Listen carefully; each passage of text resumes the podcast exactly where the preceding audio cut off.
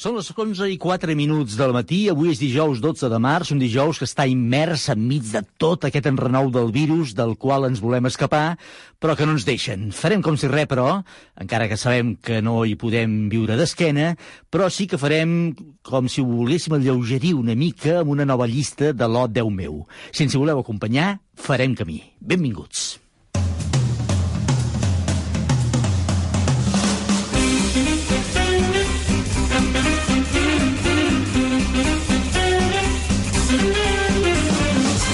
Déu meu, de dilluns a divendres d'11 a 12 del matí a Ràdio Estel. Un oh, Déu meu, que es fa gràcies a tot l'equip del programa que ja és a punt per engegar des del control tècnic i muntatge musical, el Jordi Carretero, bon dia, Jordi.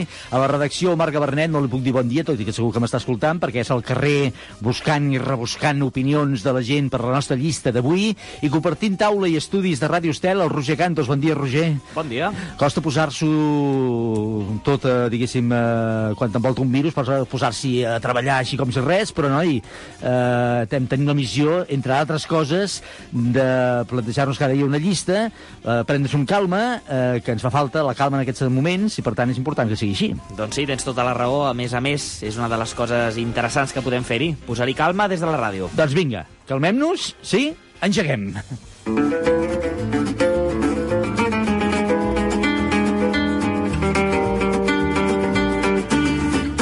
hi ha com un cert neguit, una certa angoixa generalitzada que ens afecta. A mi, jo que sóc molt tranquil i que no, vaja, m'ho prenia una mica amb molta calma, això, t'acaben estressant. I me'n vaig anar a comprar desesperat al, supermercat. Dic, a veure si, jo que sóc de tenir la nevera amb el justet de la setmana, dic, a veure si m'enganxarà el toro aquí i hauré d'anar a dinar a casa al Jordi Carretero perquè no tinc res a la nevera.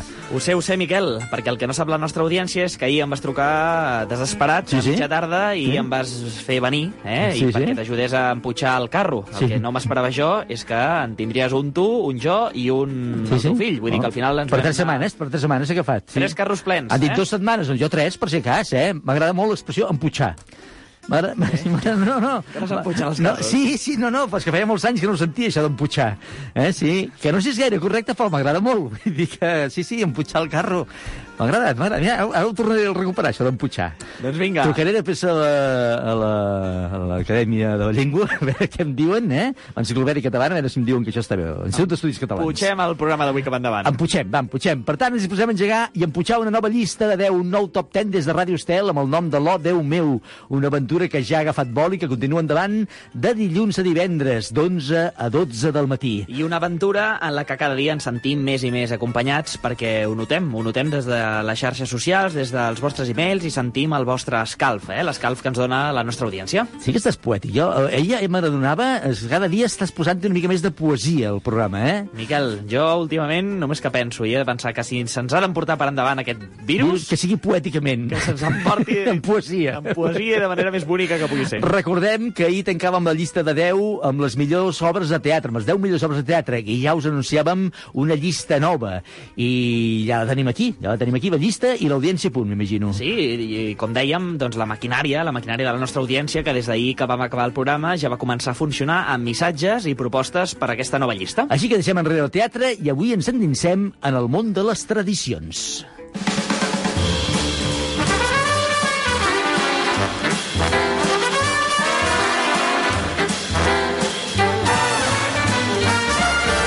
Perquè seran les tradicions les que ens marcaran avui el camí, ja que busquem, atenció, les 10 tradicions que no deixeu de celebrar que això, encara que no ho sembli, ens dona per a molt, perquè englobarem en aquest apartat, no sé exactament què, mm, què, què, què, què englobarem com a tradició? Ho tens clar, tu, Roger? Com ho acotarem, això? Doncs ho he començat a tenir més clar quan m'hi he posat, eh? però abans no gaire, perquè hem de diferenciar eh? el que és Sí. una tradició, el que és un costum, eh? Mm, i el sí, que... sí, sí. No, no, serà difícil, serà difícil. En tot cas, intentarem aclarir-ho durant el programa. A més a més, tenim convidat que segur que ens ajudarà molt en aquest sentit, perquè segurament quan pensem en tradicions pensem en dies concrets, pensem en celebracions concretes, però, jo què sé, i i el menjar? La, gastro... Diguem-ne, la gastronomia, què? No pot entrar dins aquest apartat de tradicions? Dic jo, pregunto, eh? Ho Jo tinc la tradició de menjar i sopar cada dia. Ah, molt bé. molt bé, està bé, està bé.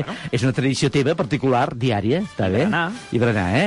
O, o per I exemple, o actes, actes concrets arrelats a la terra. O, o jo què sé, tinc la sensació que, que, que les opcions són infinites i que no ens acabarem mai, eh?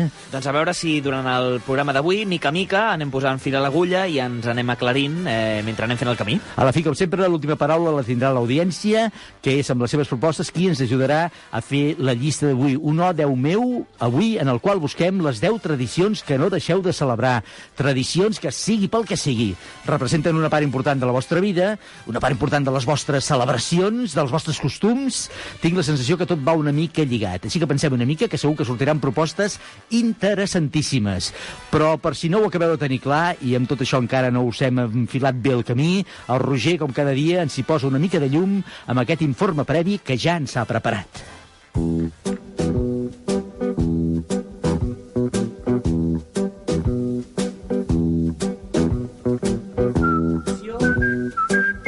La tradició és el conjunt de coneixements, costums i creences que es transmeten de generació en generació, per considerar-se d'alt valor, sobretot per la pròpia cultura. En sentir-se laxa es pot considerar tradició qualsevol esdeveniment repetit al llarg del temps, com una festa o aspectes de protocol. Les recopilacions són subjectives, en el que es tria i sobretot en com es mostra. La tradició es pot transmetre verbalment, a partir de relats, i només ensenyades als infants o bé a partir d'actes comunitaris d'elevat simbolisme. Es posa, sobretot, en l'acció conjunta i es pot incloure a través d'aquesta transmissió feta per mestres, pares, mares, avis, àvies i fer-se de manera horitzontal, d'igual a igual, en l'experiència i amb prestigi. La tradició transmet alguna cosa del passat que al present és rebuda com una herència. Implica, doncs, l'existència d'almenys dues persones. La persona o les persones que la reben també tenen un paper actiu, ja que no la rebutgen, sinó que li donen un valor, l'accepten i li reconeixen el caràcter de tradició. És a dir, que el que es transmet és cultural i subjectiu. Perquè sigui tradició, cal també que perduri en la mortalitat de la transistòria. A casa nostra són molts els exemples que doten d'identitat la nostra cultura popular catalana.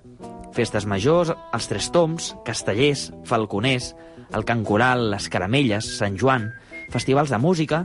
Són algunes de les tradicions que ens doten de comunitats socials i que ens ajuden a arrelar-nos. Pel que fa a la gastronomia, podem obrir la carta amb els canelons, els calçots, la crema catalana, l'escudella, els rovellons, la xatonada, els cargols i, sobretot, el pa amb tomàquet. També formen part de la nostra cultura i, sobretot, desenvolupen la nostra identitat catalana. He de confessar que a mi m'agraden. M'agraden molt les tradicions. Ens defineixen i ens ajuden a construir la nostra identitat. Les tradicions en si no poden ser gran cosa. De fet, si no heu menjat panellets i castanyes, segur que no us ha passat res. Malgrat això, per mi la castanyada no és el mateix sense menjar-me els panellets que fa la meva mare i sense posar cares llargues perquè n'ha fet pocs. Més d'una vegada m'he trobat fent una cervesa i explicant a un alemany què és una festa major, o a un xinès com celebrem el Sant Jordi, o a una danesa el per què no celebrem el Halloween i sí el Carnaval, o a un belga el per què fem una foguera per Sant Joan. Després ho complemento amb la gastronomia. Prou que entenguin el concepte de la coca, la importància de la sopa de galets per Nadal i els canelons per Sant Esteve, o la il·lusió que fa la mona el dia de Pasqua. I és que quan estàs vivint a fora, recrear aquestes tradicions, costums i festes populars, encara que sigui d'una manera més rudimentària i amb més o menys recursos, et fan mantenir el cor a prop dels teus. Tot i ser lluny, tot i ser ben lluny, una part de tu segueix a casa. A la tercera cervesa, normalment ja estic animat i els acabo explicant què són els correfocs, els castells, el ball de bastons o qui són els geganters. I molts d'ells m'acaben dient «Vosaltres no us esteu quiets mai, oi?» Jo apuro el got i els dic que ser català és una cosa molt especial. Avui farem un programa més tradicional. Volem preguntar-vos quina és la vostra tradició preferida. Aquí comença Oh Déu meu. Oh, Déu meu, de dilluns a divendres d'11 a 12 del matí, a Ràdio Estel.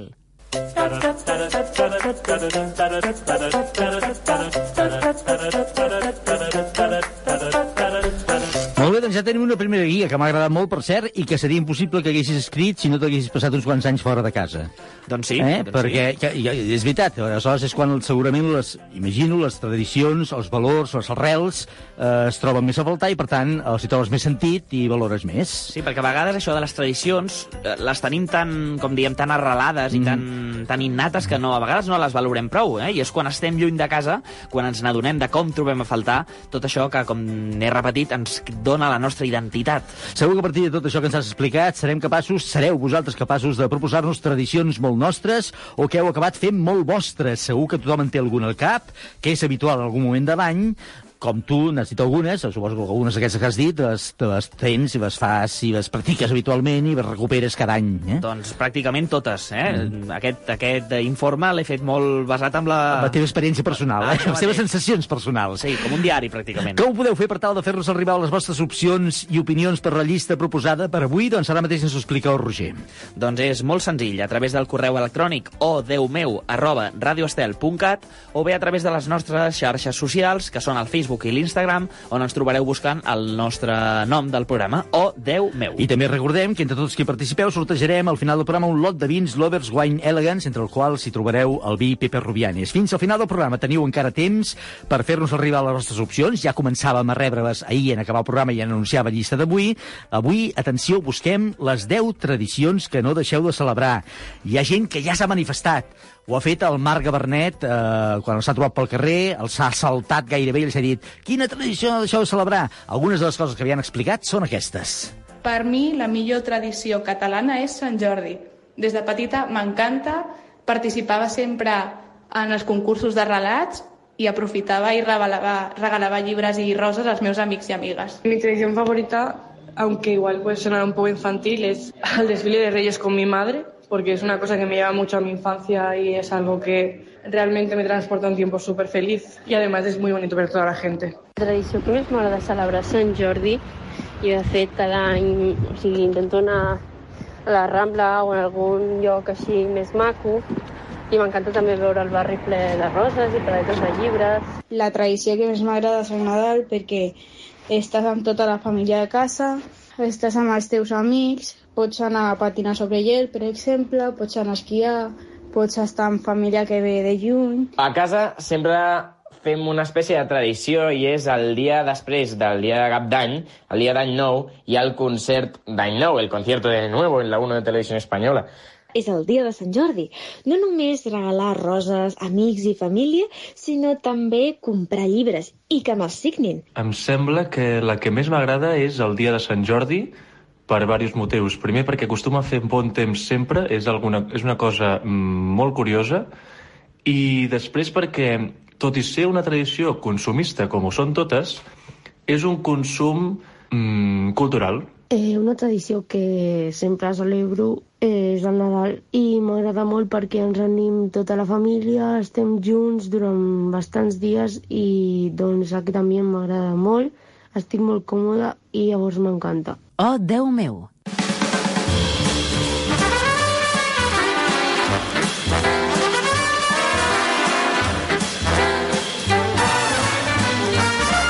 Doncs ja en tenim algunes que ens han dit tot passejant pel carrer. Veig que raça Sant Jordi, eh? De moment... Sant Jordi podria Home, marca, ser... marca, marca, clar, marca molt. No sé si eh? la, la, la number one. Eh? No posem numbers perquè nosaltres posem els nombres però sense cap ordre de Ah, preferència. exacte, eh? No trenquem les nostres normes primàries del programa. Ara eh? parlava per mi, Miquel. Molt bé, ja tenim una primera guia d'algunes opinions. Segur de tot que a partir de tot el que ens han explicat sereu capaços de proposar-nos tradicions molt nostres o que heu acabat fent molt vostres. Eh? Recordem-ho, les tradicions avui són les protagonistes de la nostra llista de 10, però fins on podem acotar una tradició? En fi, tot això ho anirem descobrint, perquè, per exemple, eh? jo, jo dic, jo, jo proposo, eh, em comencen a envair dubtes, eh? menjar calçots, eh? ho podem considerar tradició? Home, una tradició catalana, Bueno, no? sí, sí, sí. I a casa jo, per exemple, tinc el costum cada primavera, quan arriba primavera, ara, Mm. pintar el pati de color blanc. Això és una tradició meva, eh? Això em penso que era un costum teu. Es pot, sí, és un costum, eh? Es pot, ja, es pot convertir en una tradició, si jo ho vull o no, eh? No sé, això ens ho haurà d'explicar el nostre convidat Sí, en fi, no us vull complicar més la vida, eh? Serà l'autèntic expert de... que, que ja estem prou, prou embolicats. Per tant, eh, algunes de les opcions, sortir Sant Jordi, sortien els Reis, sortien alguns dies aquests molt marcats, molt il·lustrats, però veurem què ens apareix avui durant tot el dia. Posem una mica de música. Va, Roger, que sempre posem música al nostre programa lligada una mica amb el tema de la llista que busquem. Doncs eh, per mi les tradicions venen, venen relacionades amb el bon humor, amb el bon ambient, amb estar feliç. I perquè la tradició és la festa, i la festa major significa compartir, compartir amb amics i amb persones estimades. Avui els pets ens conviden a venir a la festa.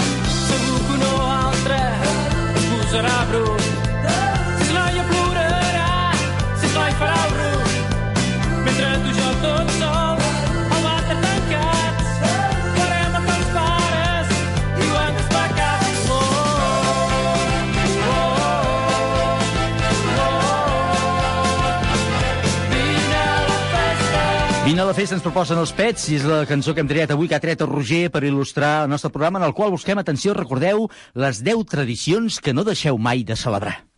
Ràdio Estel. Hola, sóc la Mercè Raga i cada dia estem amb els doctors Márquez i Valverde atenent els vostres dubtes mèdics. A partir de dos quarts d'una, truca'ns, de fet, ara mateix, si vols, al 93 409 2770 i ens expliques què et passa i a dos quarts d'una resoldrem els teus dubtes. Mira, dubtes com ara problemes musculars o articulars, eh, refredats mal curats o algun problema digestiu que et faci la guitza. Aquestes són algunes de les consultes, de les qüestions que ens pots fer trucant ara mateix al 93 409 2770 i a dos quarts d'una tindràs la resposta en directe. T'hi espero.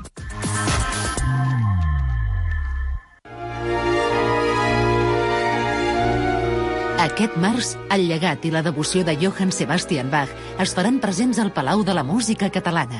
Dijous 19 amb la Passió segons Sant Joan i dilluns 30 amb la Passió segons Sant Mateu. Dos monuments imprescindibles de la música sacra en directe amb Philip Jerebeike i el Collegium Vocale Gent. Abonaments i entrades a palaumusica.cat, on la música transforma.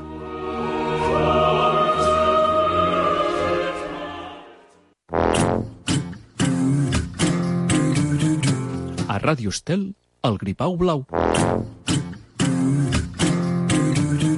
Cançons, contes i entreteniment per tota la família. El Gripau Blau, els caps de setmana a dos quarts de nou del matí.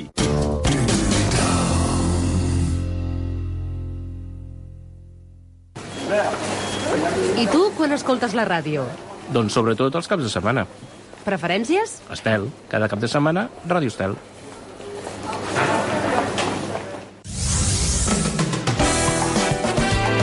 Ràdio Estel.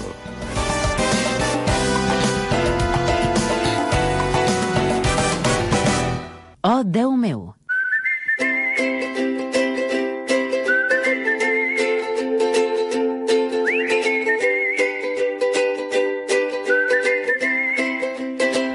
Les tradicions són avui les protagonistes de l'O Déu meu, de la nostra llista de 10.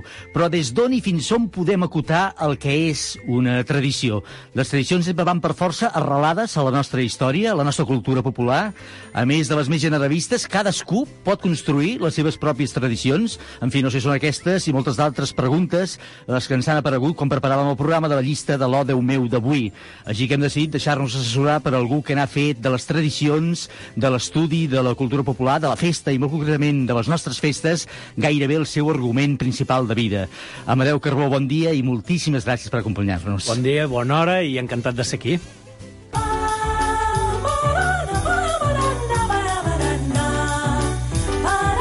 Amadeu Carbó és folclorista, escriptor i dinamitzador cultural i, com ell mateix es defineix, activista en el món festiu. Els castells, els gegants, les corals, entre moltes altres coses, formen part del seu tot, de la seva vida. I n'ha deixat constància en un munt de llibres i escrits que així ho testimonien. És membre del Consell de Cultura de Barcelona i del seu comitè executiu i codirector del programa Festa Festa, el que va començar com un programa de ràdio, a Ràdio 4, i que s'ha reconvertit en un espai web a festafesta.net. A veure si ens ajuda una miqueta, a veure si ens ajuda, Amadeu. Intentarem, farem el que puguem perquè no és fàcil. Sí, no, no perquè és fàcil. Nen, volem treure l'entrellat una mica de tot això del món de les tradicions perquè ens hi hem perdut una mica. A veure, es pot definir de forma fàcil i clara el que és una tradició? Veiem, de manera científica no, si tenim en compte que, per exemple, tant de festa per un cantó com de tradició podríem trobar els antropòlegs, sociòlegs, etc etc n'han fet com unes 300 definicions diferents. Caram. Amb matisos, amb matisos. Mm. Però a nivell general, que som la gent que correm pel carrer, sí que podem fer una aproximació. Per exemple, una tradició d'entrada, eh, abans eh, comentàvem que tu pintes el pati a l'estiu. Per exemple, sí. Això entra dins el teu terreny personal, per tant, Ah. és un costum. Un costum Molt bé. personal, no és una tradició. Per molt que jo vulgui elevar-lo a la tradició, no ho Per molt. aconseguiré. Eh? Ara bé, el dia que aconsegueixis que tot el teu poble pinti Ah. el pati, ah. o no el teu poble, només que ho aconseguíssim El barri. el barri llavors diríem que el barri de tal lloc, eh, de tal lloc, té ja una tradició fantàstica, a més que si ho fem dos anys aquí a Catalunya ja diem que és tradició, Perquè som així. Eh, Diríem, com s'ha fet tota la vida, o que es perd en la memòria dels temps, aquí pintem els patis a l'estiu. Llavors, per tant, vol dir que la tradició, d'entrada, ha de tenir un element eh, col·lectiu. Si no es té aquest element col·lectiu, difícilment podem parlar de tradició. Després hi ha un altre aspecte que és fantàstic per definir la tradició i que ens pot donar pistes. Eh, la tradició l'hem d'entendre etimològicament. Si no l'entenem mm. -hmm. etimològicament, l'eti- l'etimologia ens ajuda a entendre Sempre, moltes eh? coses. Mhm. Sempre. Quan parles de verdura ja saps que és verd, oi? Doncs aquí el mateix.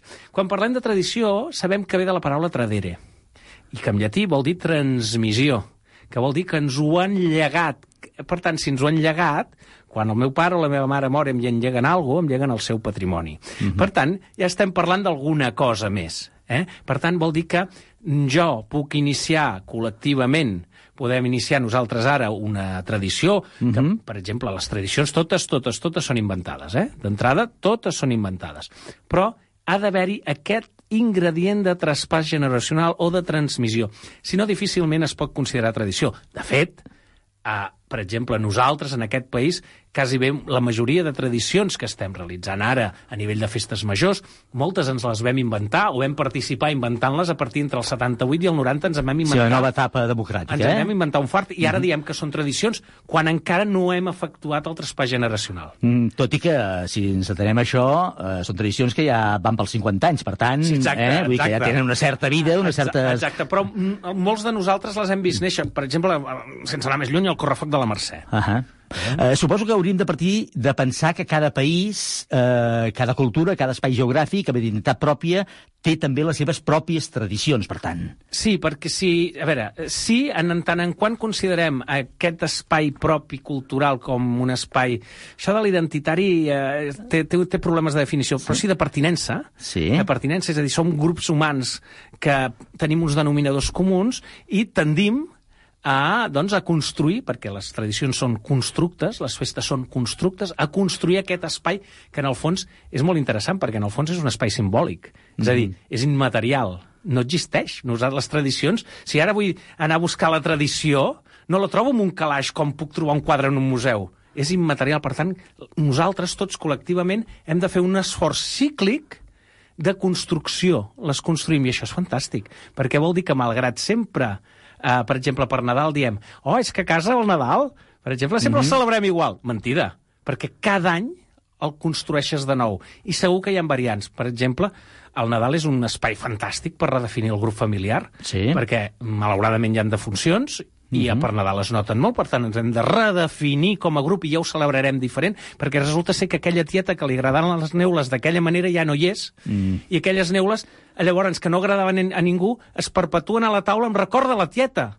És a dir, hem sigut capaços de construir un imaginari nou o els que arriben de nou, que són benvinguts, evidentment, no? Doncs la canalla, aquells que ens arriben amb la parella i que construïm constantment llaços nous a partir de la tradició pel Nadal. Però això passa amb moltes coses. Per tant, si l'àmbit geogràfic o no, no és definitiu en aquest sentit, Mm. eh, podríem arribar a la conclusió que compartim o podem compartir eh, tradicions amb diferents àmbits geogràfics, en diferents països, amb diferents... Sí, no, no, eh? però l'àmbit geogràfic sí que pot ser definitori en, en el sentit que et defineix l'àmbit cultural, també. Per Ahà. exemple, si agafem la nit de Sant Joan, veurem que Pirineu, ara Mhm. s'ha posat molt de moda que les falles són patrimoni immaterial de la humanitat i ara tothom les coneix. Fa 10 anys no les coneixia ningú. Però a, a, en el cas de... llevat de la gent de Pirineu, eh? A, a, veurem que en l'àmbit de muntanya el Sant Joan es, de, es té unes, unes, unes maneres de celebrar-se que, per exemple, a la plana són diferents. Sí. Per exemple, nosaltres som a la plana o a, o, o a la ciutat som fogueres de, de, de trastos, no d'andròmines, de trastos vells. Traiem Mhm. els trastos vells i els cremem. I, en canvi, a Pirineu, molts dels pobles de Pirineu fan falles, que per nosaltres eren uns grans desconeguts. I hi ha un denominador comú, que són, eh, són pobles de muntanya. Mhm. Per tant, l'àmbit geogràfic també també condiciona. I, evidentment, una part molt important en la tradició és la gastronomia. Per tant, l'àmbit geogràfic aquí és clau, també. El producte és clau. Ara parlarem de gastronomia, que això em té, em, té tabalat una miqueta, No, a mi, eh? més que tabalat, a mi m'agrada molt. Sí, no, no, està bé, està bé, està bé. De tota manera, sempre hem escoltat dir que Catalunya és un país ric en tradicions. Mm. Això és realment així o és equiparable al que tenen altres països i això ho acabem dient una mica per, És treme- per complaure el nostre ego personal? És tremendament ric en tradicions, com qualsevol altra comunitat amb Molt bé. identitat pròpia. Si les dues coses són certes, eh? eh? És ric, i però, eh, sí, sí, com perquè tothom. totes les comunitats humanes que tenen un cert, eh, un certa mirada clara de grup tenen tradicions fortes. Eh, Quan desapareixen les tradicions és quan convertim les comunitats, les liquem, les convertim en identitats líquides. Per exemple, el cosmopolitisme Mhm. o la globalització, sí. que culturalment no és res més que convertir-nos en identitats líquides, fa que tot s'estandaritzi i tot sigui igual. Uh, per mi això és una pèrdua de patrimoni. Si perdem uh, patrimoni, som més pobres, en aquest cas culturalment. Però aleshores, deixi'm que ho digui, eh, un país on en les últimes dècades ha rebut infinitat de milers i milers de gent d'altres cultures, sí. no només de la resta d'Espanya, sinó de, de, de, de Llatinoamèrica sí. o de- d'arreu del món, i que també aporten I la tant. seva riquesa I tant que la tradicional. I, I és que nosaltres... eh, Com ho compaginem, això? No, no, no és, que, no és que ho compaginem, és que això s'ha de rebre amb, amb una naturalitat absoluta. És a dir, quan parlo, per exemple, de cultura popular a Catalunya, ara, hem, per, per entendre'ns i per no fer un discurs eh, teòric, eh, ens entendríem molt més si parlem de cultures populars que totes sumen. És a dir, nosaltres eh, no existeix una cultura popular catalana, de allò, per dir-ho d'alguna manera, de puresa, eh, Mhm. perquè seria parlar des d'un punt de vi- vista etnocèntric. Ahà. Això és molt perillós. Molt. Perquè, al final, treballem des d'ideologies. Parlar des d'una ideologia etnocentrista, tots sabem a Europa on la va portar fa, fa 70 anys, eh? Llavors, a totes aquelles cultures, totes aquelles persones que aporten, estan contribuint al constructe cultural. Per dir-ho d'alguna manera, eh, la meva àvia, per parlar en plata, que seria Mhm. més que centenària, la meva àvia no havia menjat mai un gazpacho. Sí, el, I això ella ho considerava fins i tot... Perquè, clar, això venia de fora, eh? El gazpacho venia de fora. Ara tots nosaltres mengem gazpacho. Mhm. Vale? Per posar un exemple, eh? estic caricaturitzant el fenomen, eh? Uh, però també, dintre de quatre dies, si no ara, evidentment, a casa tots estem fent cuscús i tabulers, i estem fent menjars uh, propers a, a, a la cuina llatina, Sí. etc etc. Mhm. Això suma, això s'incorpora al, no, al nostre constructe cultural. Això és, alguns, ja, algunes aportacions ja són catalanes, perquè les estem Mhm. generant aquí, i d'altres ho seran de dret propi. Em tranquil·litza. Em tranquil·litza I perquè tant. per, per, si no estem traint res No, ni ningú, no, no, eh? que- i que la gent Molt es tranquil·litzi, la gent es tranquil·litzi. Molt bé. No, home, Eh, això és molt Haurà normal. escoltat tantes vegades com jo m'imagino, sobretot en veu de la gent gran, allò de que les tradicions es perden, que el jovent no, no segueix les tradicions, que no sé, ens hem de preocupar o No, no? no, no en el sentit de... que- A veure, no ens hem de preocupar. Hem d'observar. Hem d'observar què passa. Jo m'ho miro des d'un punt de vista del curiós que li agrada aquest fenomen. Però les tradicions és com tot. Les tradicions per, per, es mantenen vives mentre són útils a aquella comunitat que les celebra. El dia que deixen de tenir sentit, les deixen de fer. Hi ha qui diu, oh, però llavors, allò que dèiem, perdre el patrimoni. Sí, però és que aquest patrimoni ha de ser útil i ha de tenir un sentit. Si no, si no el que fem és fossilitzar fossilitzar una tradició. I fossilitzar una tradició és el pitjor que li pot passar. Hi ha dues coses que són els, la, els grans enemics de les tradicions. Una, fossilitzar perquè perd vitalitat, i dos, infantilitzar-la perquè vol dir que la vols mantenir viva d'una manera fora de context Entenc. i fora de la força. Això són els dos gran, un dels dos grans enemics. Dos grans enemics.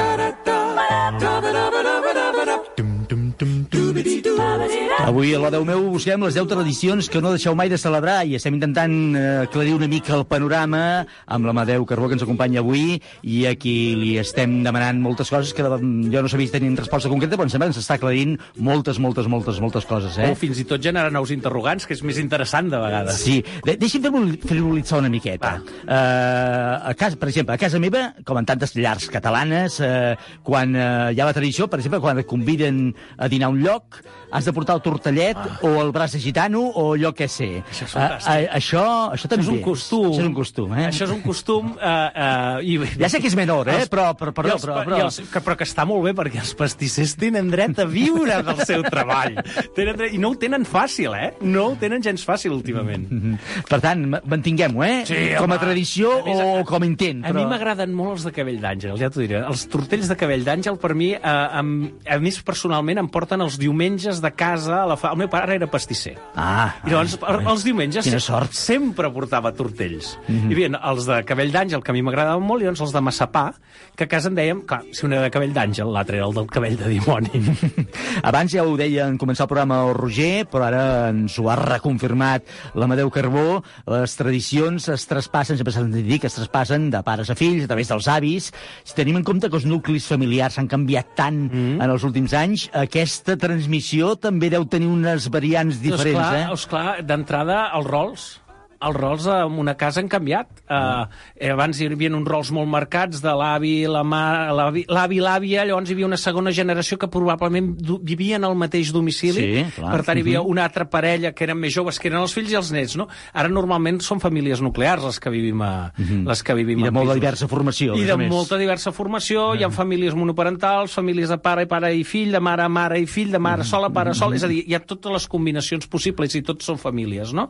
Llavors, clar, aquests rols canvien, però sempre la tradició acaba buscant aquella manera, és a dir, nosaltres acabem buscant aquella manera, doncs, per fer aquesta transmissió. El cas del Nadal amb el pessebre és espectacular. Sí. De, uh, el, el, per exemple, com fem el pessebre, ten, tots tenim molt marcat de com l'avi baixava la caixa de l'altell, i, curiosament, aquells mateixos patrons se segueixen repetint, encara que no hagi l'avi, doncs ho fa la germana, ho fa... És a dir, ens repartim aquells papers, però en el fons seguim, d'alguna manera, i ara dit la paraula clau, seguim fent el mateix ritual, és a dir, seguim ordenadament aquelles, eh, aquelles coses que fèiem per fer el pessebre. Com anar a la muntanya uns dies abans a buscar la molsa. Va, va, ara això, això, això, compta amb això, compta amb això. Sí, però, però, però, però també, eh? Sí, Sí, que és una cosa que, que retenim tots al cap. Exacte, sí, però nosaltres hem de dir que no la fem. Hem de dir que no la fem. No, que, que està protegida. Molt bé, molt bé. Perdó, però, però en fi, vull dir, però sí que és veritat que tots tenim aquella imatge de- d'haver anat amb, l'avi a buscar-lo. I anar eh? a la Fira de Santa Llúcia a buscar aquella figura. Exacte. Uh, molts n'hem après a través mm, les tradicions, on ens han arribat, no només a través de la família, sinó també a través de la nostra participació, jo que sé, grups d'esplai, Sí, d'excursió, la coral, el grup de teatre... Per tant, aquí l'associacionisme hi té un punt És importantíssim. que eh? aquest país, eh, l'associacionisme és no només important per la transmissió de les, de les tradicions, sinó que és important perquè és uh, un esquelet que vertebra perfectament aquest país i el té fort. Nosaltres, sense associacionisme, haguéssim perdut a cada bugada un llençol. En aquest país, l'associacionisme ha fet aquella mena d'esquelet i també de musculatura que, que, que aguanta quasi bé tot, fins i tot, és substitu... de vegades actua de substitutori d'administracions, d'institucions polítiques per tirar endavant coses. Vull dir, no cal que, que ens Mhm. estenguem, tots tenim exemples darrerament, no? Doncs amb les tradicions és, ha sigut molt important. Per exemple, jo recordo, jo recordo, i allò va ser clau per recuperar les castanyades eh, eh, aquí en el país, Sí. recordo uns fulls que feia eh, tradicions i costums d'òmnium cultural. Estic parlant dels anys 70, finals dels 70, principis dels 80, que doncs, les castanyades, al deixar-se de celebrar el tots sants entès com un ritual de, de, de record i de culte als avantpassats, la castanyada també va decaure. Mm -hmm. Va decaure. Doncs van ser prou hàbils doncs, per mm, crear una campanya des de les associacions per celebrar les castanyes associatives. I això va fer que tornessin a refutar. Revifés. Una cosa similar van fer amb el tió, també, eh? Mm -hmm. i amb moltes altres tradicions. Però realment eh, eh, li van donar un nou context, i l'associacionisme ho va permetre. Va ser qui va reimpulsar la, la tradició. Uh, n'haurem de fer un altre programa. Ah, perquè, no, vulguis. perquè, clar, és que no, no, no tenim gairebé més temps i em, tinc la sensació que ens queden moltes coses per a, que ens pugui explicar l'Amadeu Carbó. De tota manera, abans d'acabar, la tracaré una miqueta. Va, eh? traca. Quina és la tradició que no ha deixat mai de celebrar l'Amadeu Carbó? Els Reis. Els Reis, eh? Els Reis. Ens ho deia una, una persona també... Uf, eh? tant, és curiós, està bé, tant. està bé, està bé, està bé. Els Reis, els Reis. No, no, no que no hagi deixat de celebrar mai, sinó que és potser una de les que jo sento... Sant Joan i Reis, per exemple, per mi són molt potents. N'hi ha Sí. més, eh, però Sant Joan Sí. i Reis. Sí. Algunes d'aquestes han sortit, de fet, aquestes dues han sortit ja a les opinions que el Marc Gabernet ha trobat pel carrer, en recuperarem algunes ara a través del correu electrònic, de les xarxes socials, nosaltres, ens han quedat moltes preguntes per fer-li, eh? eh? En tot cas, només recordem que podeu eh, escoltar tot el que en sap i molt de tradició de cultura popular eh, a través d'un programa de ràdio I tant. que es pot escoltar per internet I tant. i que a través de festafesta.net eh? net, i allà trobareu setmanalment un programa de ràdio al servei de tothom que és amant de la cultura popular o dels curiosos, també. Avui l'hem estirat del seu programa de ràdio i hem portat un altre programa de ràdio, que és la veu meu, Amadeu Carbó. Moltíssimes gràcies, No, gràcies a la vosaltres. visita. I jo encantat, i oh, Déu meu. Oh, Déu meu, cada dia una llista de 10 per enriquir la nostra vida. Ba-ba-dum, ba-ba-dum, bum-bum. Ba-ba-dum, ba-ba-dum, ba-ba-dum, bum-bum. Ba-ba-dum, ba-ba-dum, ba-ba-dum, ba-ba-dum, ba-ba-dum, ba-dum-bum. Ba-ba-dum, ba-ba-dum, ba-ba-dum, ba-ba-dum.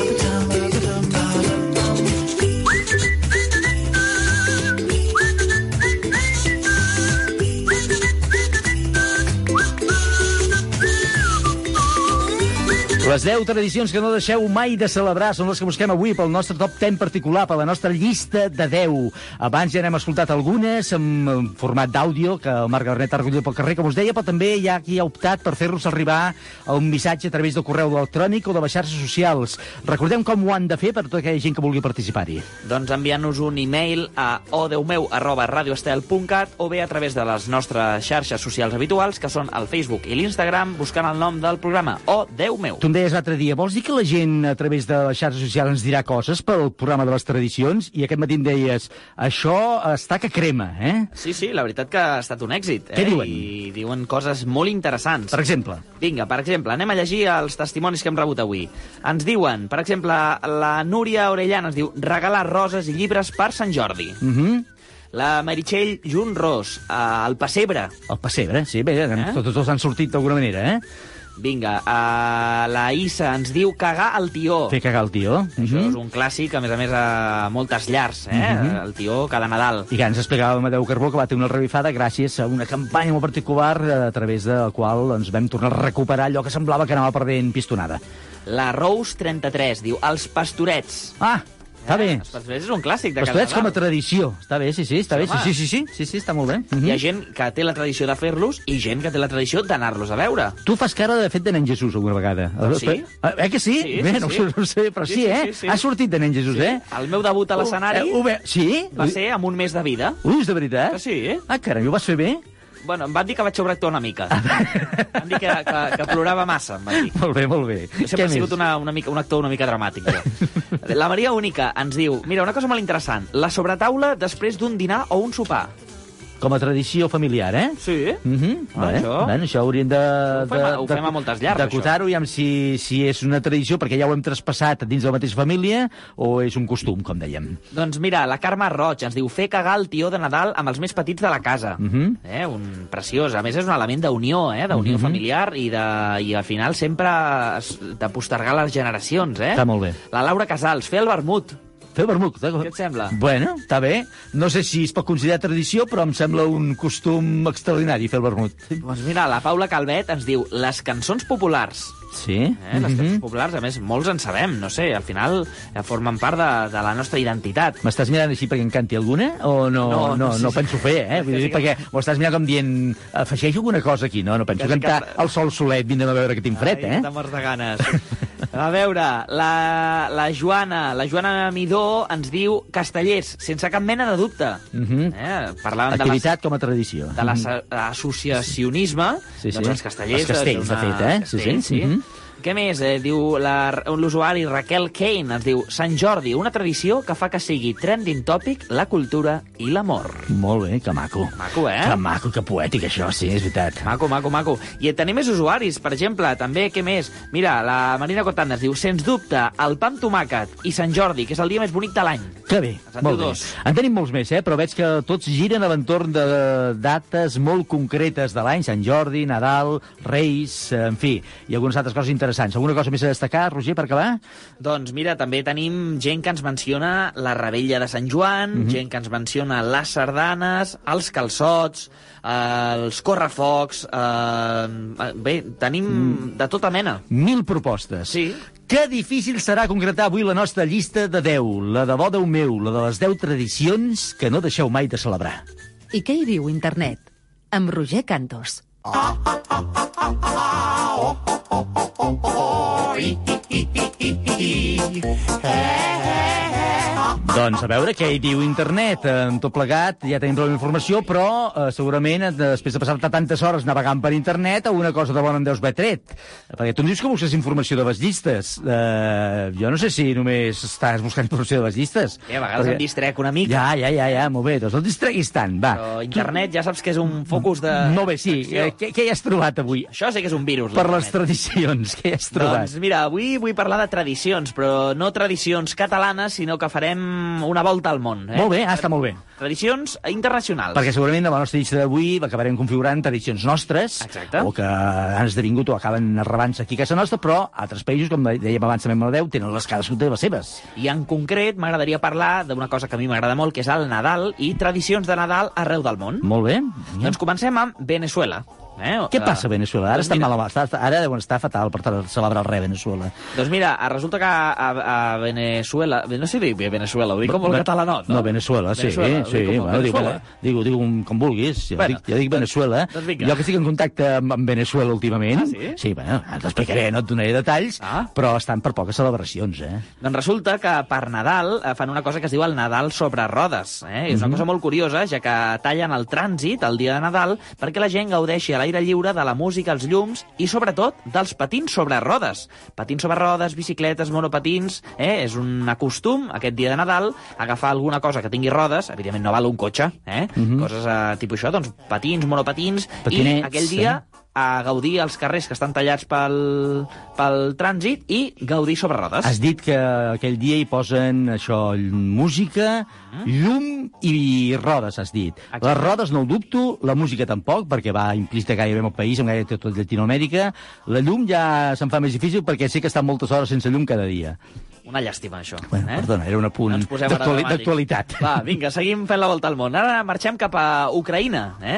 Explica una llegenda popular de diversos països d'Europa de l'Est que una família molt pobra que no tenia prous diners per decorar l'arbre de Nadal es va llevar el dia Nadal i a l'arbre ja estava cobert amb taranyines que havia filat una aranya durant la nit. Amb els primers raigs de sol, les taranyines es van convertir en fils d'or i de plata. I des d'aleshores és molt tradicional que les famílies d'Ucraïna eh, decorin l'arbre de Nadal amb motius d'aranyes i de taranyines com a símbol de bona sort i de fortuna. Ah, Quina barada més estranya, eh? Bé, de fet, no deixa de ser una, una variant de les nostres cintes aquestes de colors, també tenen una mica una forma així com de, com de taranyines, passa que són de colors i brillants, eh? No sé si té alguna cosa a veure, segurament no. Però, en fi, eh, si a ells els agrada i els dona bon rotllo, doncs Mhm. endavant. Vinga, marxem a la República Txeca, on tenen una tradició de llançar sabates.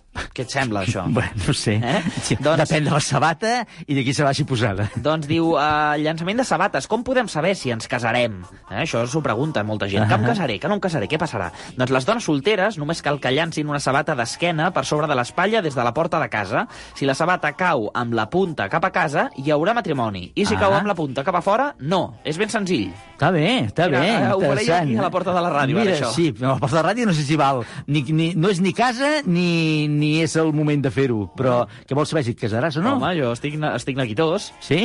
Però, però tens algun projecte o... Bé, bé de veure, Miquel, escolta'm, ara no... em No, posis- clar, perquè si tires la sabata per saber si et casaràs, primer que has de saber si, si tens ganes de fer-ho i si tens alguna opció Jo per primer fer-ho. vull saber si em casaré o no. Després ja, ja buscaràs aquí. l'opció, no? Això. Molt bé, perfecte, vinga, va. Vinga, Itàlia. La bruixa Bafana. A molts llocs d'Itàlia, qui porta els regals als nens de matinada el 6 de gener no són els Reis Mags d'Orient, com passa Mhm. aquí a casa nostra, sinó la Bafana, una velleta que vola amb escombra. Segons la llegenda, la Bafana no va voler acompanyar els Reis Mags a adorar el nen Jesús, però després se'n van penedir. Per això passa per les cases deixant presents als nens, principalment caramels i xocolatines, com els Reis a casa nostra, si no et portes bé, la Bafana et porta carbó. Una tradició ben arrelada, hem dit, a... Itàlia. Itàlia, eh? Molt bé. No deixem gaire per tradicions, tampoc ara, a Itàlia, però en fi, va. Doncs vinga, marxem a Suècia. La cabra de tres tones. Aquesta m'interessa. No, no, no m'interessa la cabra, aquesta m'interessa Què saber t'agrada, la- la- quina és aquesta o la cabra? Perquè té, no, té Va. pinta de bestiesa, aquesta Vinga, tradició, doncs eh? el poble de, Gab de Gable, mm, perdó pels suecs que ens estiguin escoltant, a Suècia, des de l'any 1966, cada any construeixen una cabra de palla de 13 metres d'alçada i de 3 tones que situen a la plaça del poble durant els dies d'Advent. Eh? I el més curiós, però, és que gairebé cada any algú l'acaba cremant i no aconsegueix sobreviure a les festes. Però tres tones de palla són molta palla, eh? Doncs, uh, mira, són coses que practiquen a Suècia. Vinga, un parell de coses més.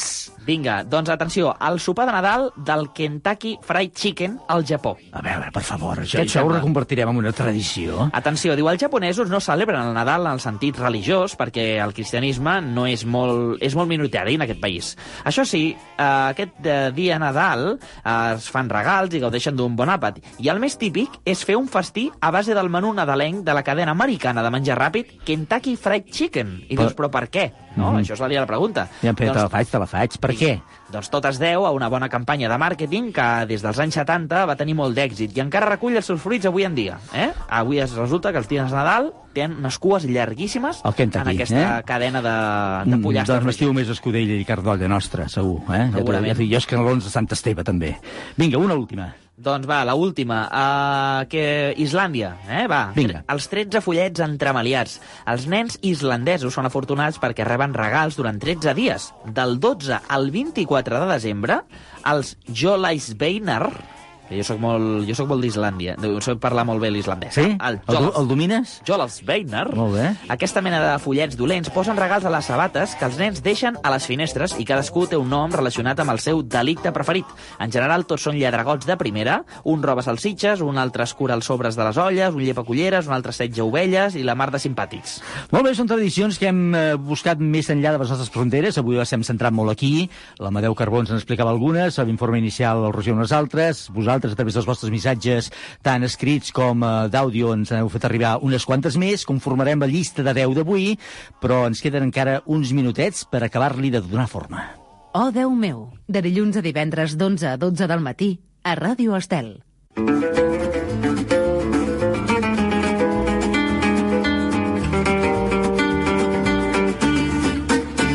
La forma li acaba de donar el Roger mentre va rebent les últimes propostes. Ja tenim prou informació, em fa l'efecte que podem confeccionar aquesta llista de 10, una llista de 10 amb les 10, avui, les 10 tradicions que no deixeu de celebrar. I arribats a aquest punt, t'he de preguntar quina és la teva preferida, aquella que no deixes mai de celebrar. Ja m'has dit abans una mica que Nadal i Sant Jordi estaven entre les teves preferències, però hi ha d'haver alguna concreta que puguis confessar, és clar, i que ens ho puguis explicar. Doncs n'hi ha una que, malauradament, potser ara ja no la practico, però sí que durant molts anys l'he practicat. Home, no gaires, era- perquè quants en tens? Que en tens gaires, molts anys, com si, com si fossis aquí... 15. 15, molt bé. Tens 15 anys? 15 anys. No, sí. Doncs eh, n'hi ha una que m'agrada moltíssim i que he fet Molts anys. I és, he de dir, que em passava l'any esperant aquest moment, que és fer el pessebre. El pessebre, eh? M'agradava moltíssim i participava fins i tot en concursos i feia pessebres interactius i amb un espectacle i llums i caram, sons. I... Caram, molt teatral, Sí. molt teatral. Eh? I posaves molsa o, no, o ja no vas arribar-hi, la molsa, Sí, tu? sí, tant que hi posava molsa, Quan no era delicte. eh, Escorça, hi havia, que hi havia de tot allà. Recordem una vegada més que quedaran moltes opcions, de, a part de les que ens doneu, eh, i que reflectirem a la nostra llista, pendents, però que això no vol dir que no les haguem tingut en compte. Però no vol dir que no haguem escoltat la opció, però sí que entrareu a participar en el sorteig del lot de vins de l'Overs Wine Elegance, amb aquest vi del Pepe Rubianes, que hi afegirem, i que, a més a més, serviran per acabar de premiar aquella gent que ha volgut fer-nos arribar les seves opcions. Entre tots, haguem, haguem llegit o no, i escoltat o no, la vostra opció, sortejarem aquest lot. Per tant, si ja ho tenim tot, és el moment de conèixer l'O 10 meu d'avui, la llista de les 10 tradicions que no deixeu de celebrar. Cada dia una llista de 10 a Ràdio Estel. Número 1. Les construccions són tan espectaculars que fins i tot a la Xina se n'han creat colles que els imiten. Exemple de treball en equip i d'autosuperació, obrim el top 10 amb els castells. Número 2. La recepta és fàcil però irresistible. Agafem el pa, l'untem amb tomàquet i li afegim un rajolinet d'oli d'oliva i cap a dins, el pa amb tomàquet. Número 3. Aquest tronc que ens visita cada Nadal i ens demana atenció i sobretot menjar, molt de menjar, perquè després puguem cagar-lo a cops de bastó, el tió. Número 4. És la dansa més vella de totes les que es fan i es desfan, la sardana. Número 5. La nit més curta de l'any, o per altres la més llarga, petards, fogueres i coca, la rebella de Sant Joan. Número 6. A casa de tot bon català, el pessebre no hi pot faltar. Ple de figures i detalls, el pessebre. Número 7. Si baixem a Valls i els acompanyem de salsa romesco, no ens podrem resistir a provar els calçots. Número 8. Si parlem de costums i tradicions, aquest espectacle nadalenc fa les delícies dels infants i dels no tan infants, amb aquest duel històric entre les forces del mal i del bé, els pastorets. Número 9. Dimonis, antorxes, bengales i corredisses, la tradició del foc ens arriba amb els correfocs. Número 10. Per a molts, el dia més bonic de l'any, el 23 d'abril, capçal de la nostra cultura catalana, els carrers plens de llibres i roses i l'amor, sempre l'amor, la diada de Sant Jordi.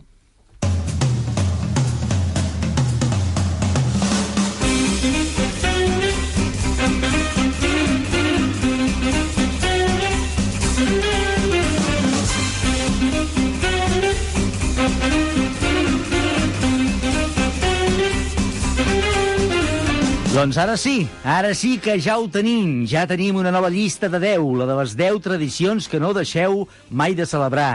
I aquí s'hi ha entaforat tot sense gaires límits, eh? Allò que consideràvem tradició i allò que estava al límit entre el costum i la tradició, però que vam acabar considerant, o algú ha acabat considerant que per ell era una tradició. La gastronomia importantíssima, pa amb tomàquet no podia faltar, els calçots no podien faltar... I encara n'hi ha alguns que no hem arribat a dir, eh? No, Com eh? la crema catalana... Oi, la crema catalana, és veritat. Oh, oh, oh, oh, oh, oh, I aquestes coses que a I els vegades panellets, que abans han fet referència, però no han Exacte. sortit aquí, no? A vegades hi ha aquelles batalles històriques d'una comunitat de, o d'una altra que a vegades diu no, això és d'aquí, això és d'allà, no? Mhm. uh, la paella, l'arròs, no? Quan, quan aquí mengem molt d'arròs. Ja has vist, no. però, el que ha dit l'Amadeu Carbó, eh? que al final això és una barreja de cultures que acaben formant tradicions, sobretot si van passant de generació en generació. Doncs vinga, entre tots els que han participat, que han sigut moltíssims avui, sortegem aquest lot de vins de l'Overs Wine Elegance. A qui li donarem avui aquest lot? Doncs la guanyadora d'avui ha sigut la Joana Midó, que a través de l'Instagram ens proposava que la seva tradició preferida eren els castells. Els castells, la Joana Midó. No Miró, eh? Midó. Midó, Midó. Ah, molt perfecte. Doncs eh, atenció, perquè ens avancem ja a la llista de demà divendres. Demà acabarem la setmana i us anunciem ara mateix perquè comenceu a pensar-hi i a proposar-nos opcions, tot participant-s'hi a través de les xarxes socials i el correu electrònic que no ens cansem de repetir, sobretot aquests primers dies de programa. Recordem-los. Doncs a les nostres xarxes socials, que són el Facebook i l'Instagram, on ens trobareu buscant el nom del nostre programa, o Déu meu, o bé el nostre e-mail, o deumeu, arroba radioestel.cat. Doncs atenció, perquè demà, divendres, ens acostarem al món de la televisió. Passarem de les tradicions a la tele. Buscarem, apunteu, apunteu que teniu feina, sobretot per decidir i triar. Demà buscarem els 10 millors programes de televisió de la història. Els 10 millors programes de televisió de la història. Que difícil que és triar un, dos, 3, 4, fins a 10. Jo em posaria 25, segurament, aquí al programa. Serà complicadíssim, això, demà, eh? Perquè també, què, què definim com a programa? També valen sèries Ai, o mira, són programes? com sempre diem que cadascú ho faci, opini el que vulgui. Jo us entraria en programes i deixaria les sèries per un altre dia que podem fer un monogràfic de sèries, però ja saps tu que la gent acaba decidint el que vol i potser una sèrie per ell és un bon programa de televisió, per ella, no? És... Doncs vinga, programes clàssics, eh, programes actuals, programes d'aquests que us heu reunit amb tota la família per veure'ls, o d'aquests que avui en dia mireu en plataformes digitals. Feu una mica de memòria, si plau. No us quedeu amb el que tenim, ni amb la memòria curta de fa dues temporades. Deu una mica enrere, perquè són molts anys de televisió i segurament hi ha programes que potser ara quedarien una mica desfassats, els veuríem i ens faria una mica de vergonya, però que en el seu moment van marcar la història de la tele. Demà busquem els 10 millors programes de televisió de la història. I amb això acabem. Gràcies a tots per participar-hi, a tots que heu fet a través de les vostres aportacions. Demà a l'hora del programa tornarem a escoltar-les. Ja les podeu fer servir ara, sigui, ja podeu utilitzar els nostres eh, mitjans per enviar-nos les vostres propostes d'aquests programes de tele. I un dia més el programa ha estat gràcies a Jordi Carretero, des del control tècnic i muntatge musical, al Marc Gabernet a la redacció i al Roger Cantos tot compartint taula i estudi. Amb tots ells i amb tots vosaltres ens retrobem demà divendres a partir de les 11 i pocs minutets. Fins aleshores, que tingueu un molt bon dia. Adéu-siau.